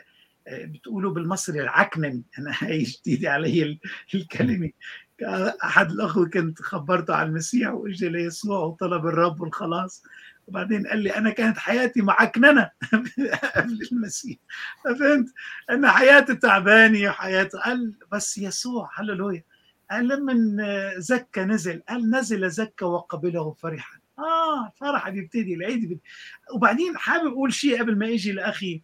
الدكتور صفوت لاحظوا لما كانوا الشعب لما كانوا الشعب تحت سيطرة فرعون الرب أرسل موسى وأرسل طبعا هارون وكانت رسالة دائما اطلق شعبي لكي يعبدني. ولكن في مكان أيضا أن اطلق شعبي لكي يعيد لي.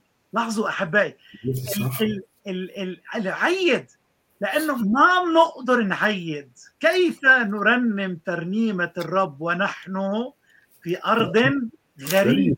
تبتدي الأعياد لما بنختبر حرية المسيح.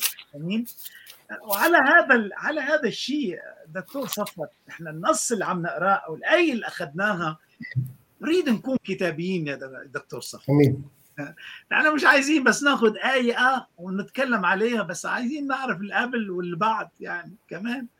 أنا الموضوع اللي عم نتكلم عليه بولس هو عم بيعالج موضوع خطير في كنيسة كورنثوس. عم بيعالج أمر يعني مش هندخل في الموضوع ككل بس في شيء أحزن المجموعة في شيء طبعا خميرة دخلت بالمجموعة في خطية صعبه بالمجموعه وهو عم بيعالج وعم بيقول خلاص يسوع مات هو فصحنا بدنا نعيش حياة الفطير بدنا نعيش حياة القداسه فأنا حابب كمل الآيات. أرجوك دكتور صفت وأنا عايز أتكلم مع المؤمنين. إحنا في عنا في العالم فوق 2 بليون شخص يدعى مسيحيا. بس نحن حابب بهالوقت هيدا والعيد ونحن اللي ندعى دعي المسيح علينا. عايزين نفهم كيف نعيد حياة العيد الحقيقي بالقداسي بالطهارة بالنقاوي بالإيمان الصريح والحقيقي. وإلا إذا نحن بدنا نجي نعيد العيد القيامي والصلب وحياتنا بالخطية هذا مش عيد يا أحبائي. أرجوكم أرجوكم أحبائي. طيب رح أقرأ الآيات وأترك أخي الدكتور صفوت يوضح لنا. فكلمه الرب تقول لنا اذا فصحنا أيضا المسيح قد ذبح لأجلنا. اذا لنعيد لا بخميرة عتيقة ولا بخميرة الشر والخبث بل بفطير الإخلاص والحق.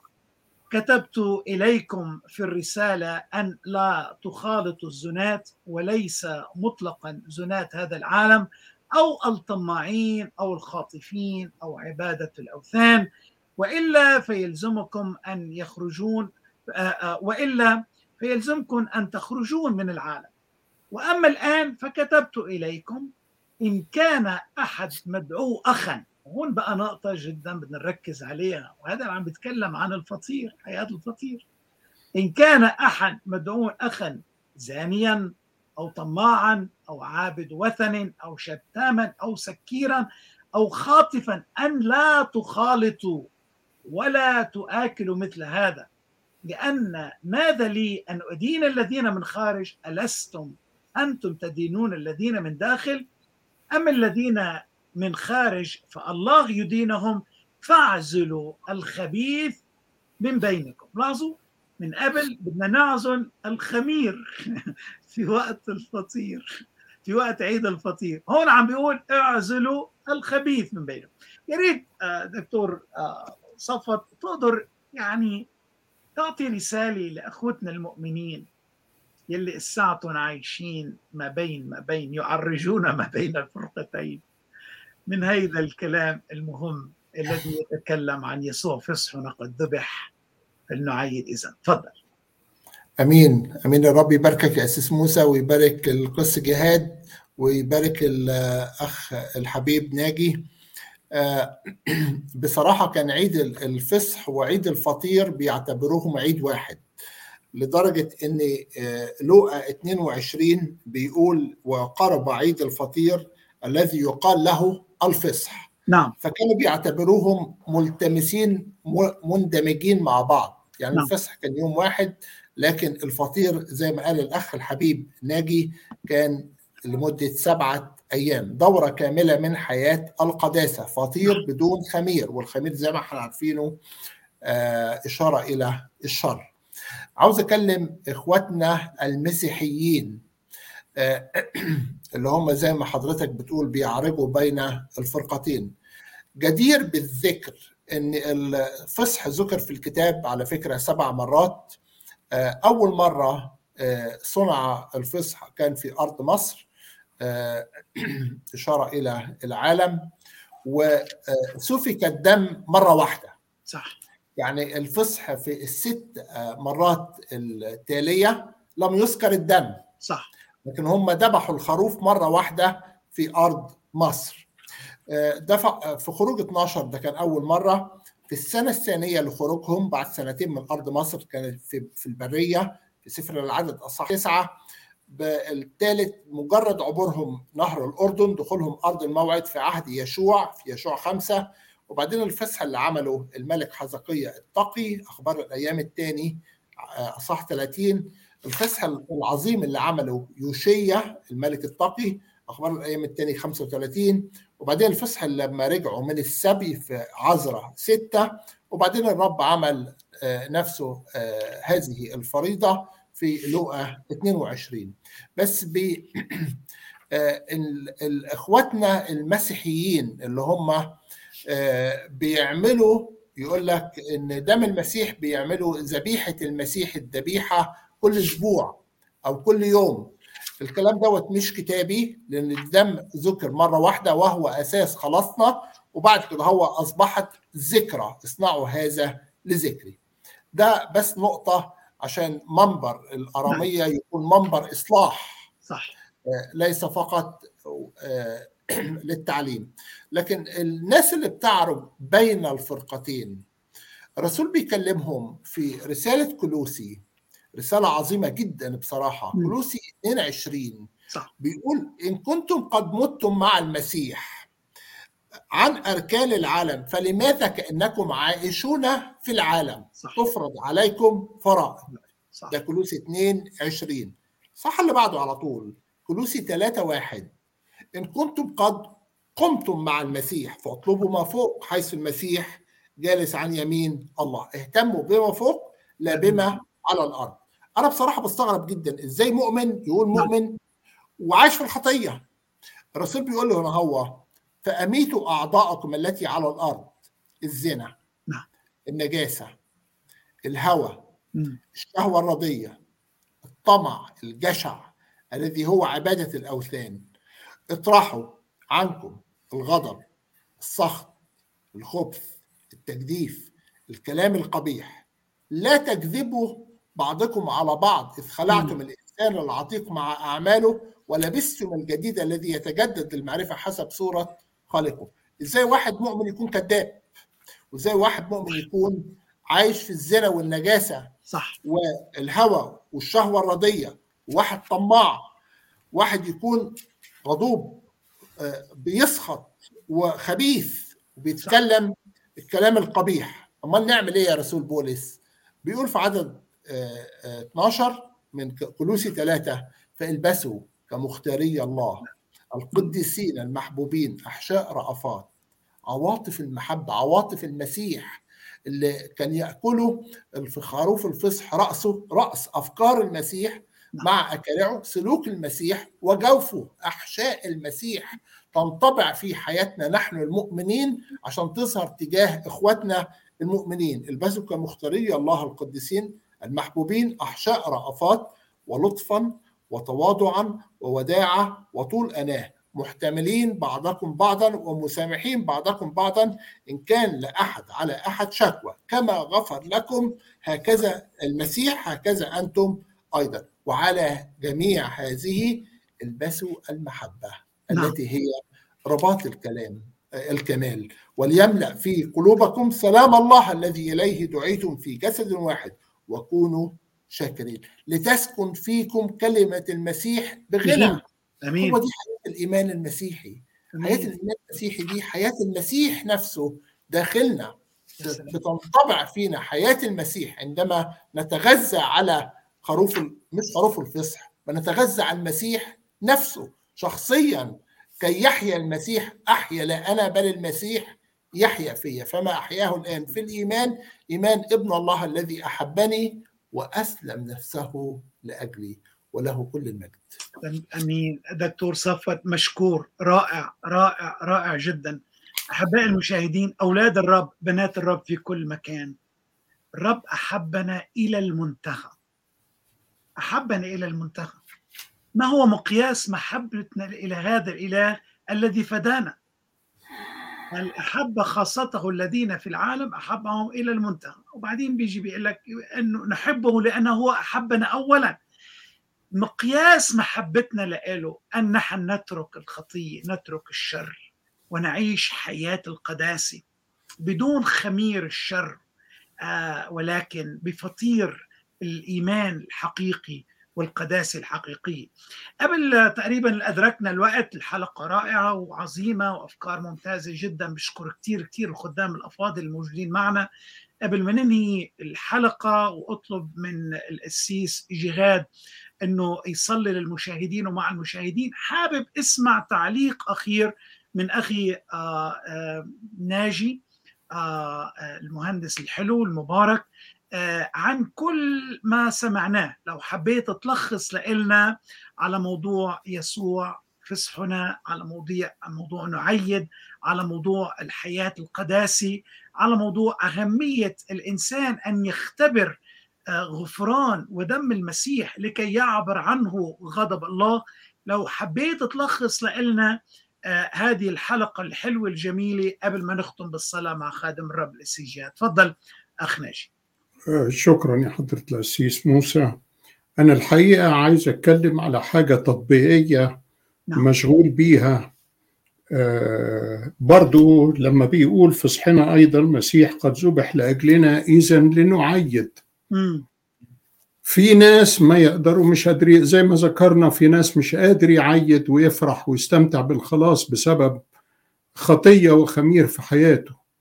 لكن أنا شفت عبر السنين ناس تانية مش قادرة تعيد في حين إني لا أشك في إيمانه. ولا أشك في أنه واثق في كفاية المسيح وكفاية ذبيحته. بل ولا أشك في أنه مخلص من من من حياته المباركة.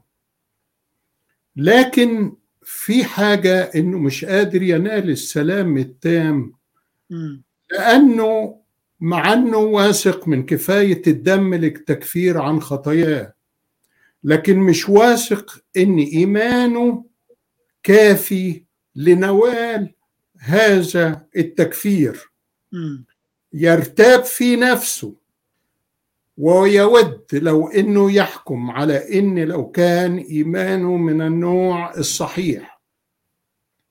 في ناس انتروسبكتيف يفحصوا نفسهم باستمرار عوضا عن انه يكون مشغول بشخص الرب يسوع وبعمله على الصليب ونظروا إلى هذا الدم الكافي اللي هو يستطيع انه يطهرهم أو طهروا من كل خطية نعم. وكفر عنه فكما أن في ناس بيكونوا مخدوعين في نفسهم إنهم مؤمنين وهم مش مؤمنين في ناس نتيجة لبعض التعاليم الخاطئة أو نتيجة لطريقة معينة في السيكولوجي بتاعتهم. باستمرار عايز يفحص إيمانه عايز يحطه تحت الميكروسكوب وعايز كأنما الإيمان حاجة عايز يمسكها. فلا يستطيع إنه ينال هذا هذه الراحة في حين إن قلبه مليان بالإيمان.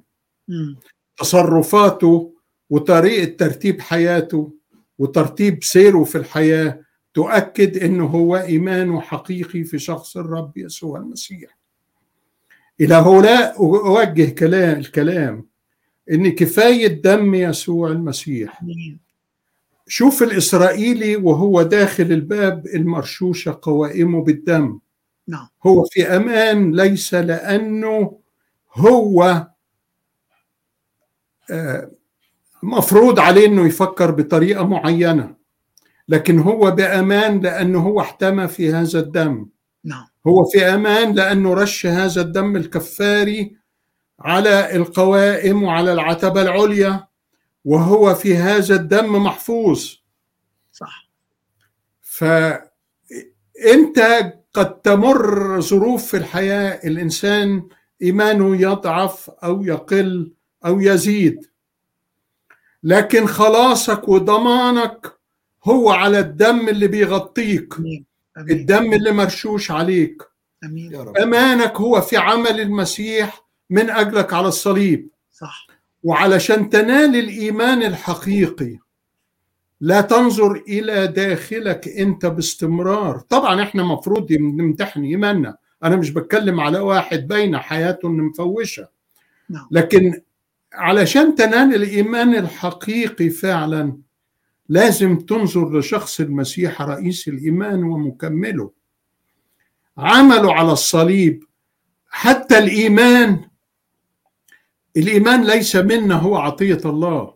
نعم. اثبت في شخص المسيح تلذذ بيه عيش فيه تأمل في عمله على الصليب من أجلك تأمل في شخصه وفي كمالاته وعيش في هذا وانت يجيلك الإيمان الحقيقي في قلبك بدون إنك انت حتى تدرك ذلك.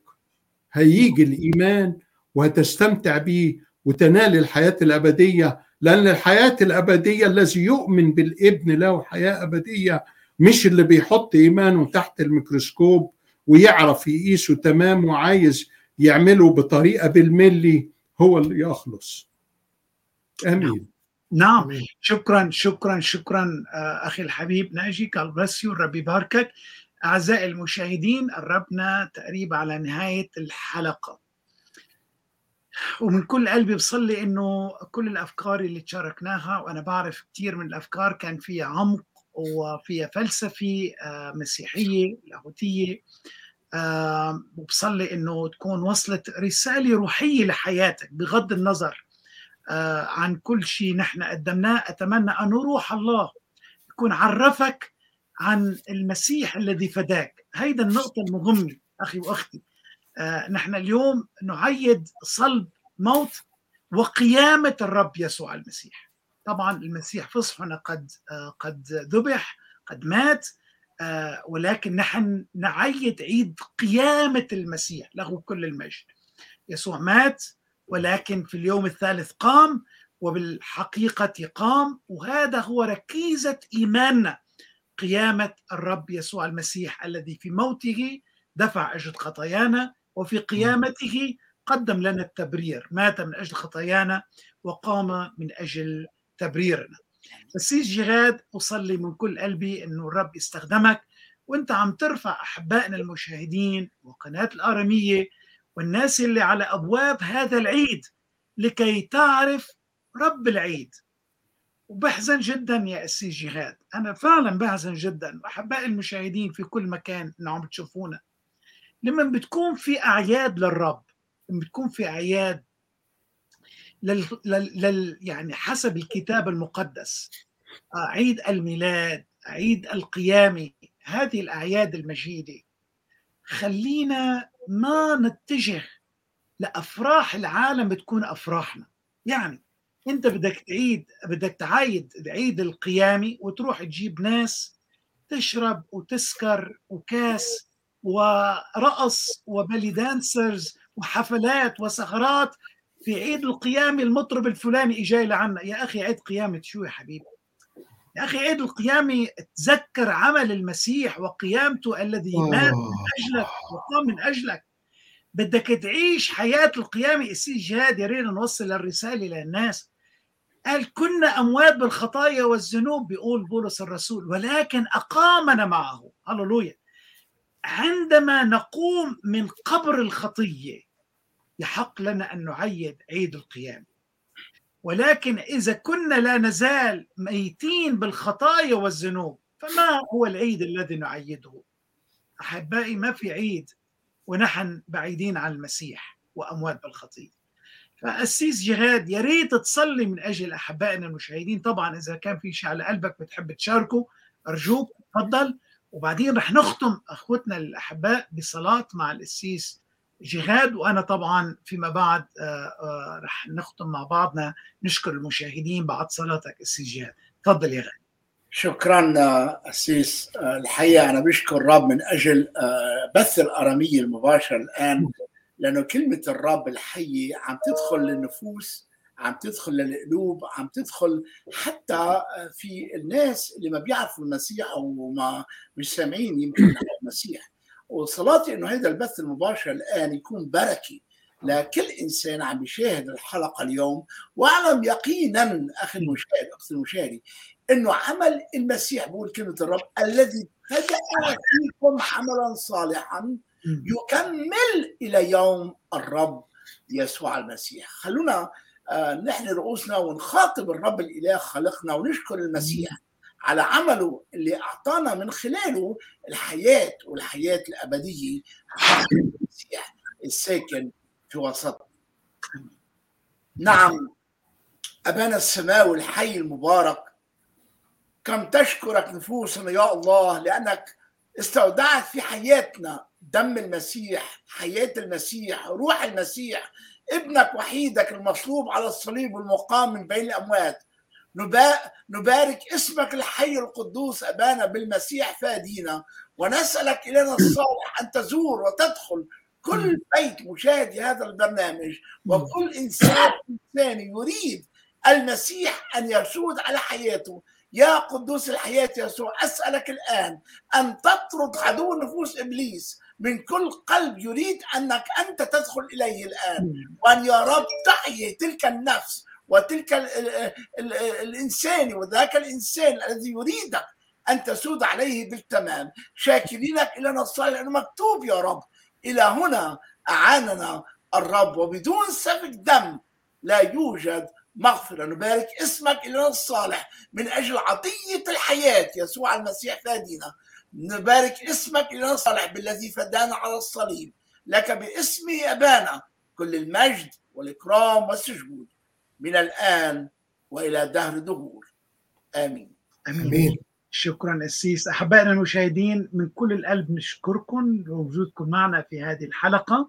أنا بشكر من قلبي أخي الدكتور الغالي من أستراليا دكتور صفوت. شكرا شكرا دكتور you أخونا الحلو المهندس الحلو من فيرجينيا فيرفاكس فيرجينيا. أخونا ناجي. شكرا أخي ناجي الرب يباركك وأسيسنا من ديترويت ميشيغان الأسيس جهاد. نشكر الرب جدا لأجلك نشكر الرب جدا لأجل قناة الأرامية. صلاتي أنه الرب يبارك هذه القناة ويبارك كل أحبائنا المشاهدين في كل مكان. نستودعكم الآن أحبائنا إلى عناية القدير. كل عام وأنتم بخير المسيح قام بالحقيقة قام. آمين.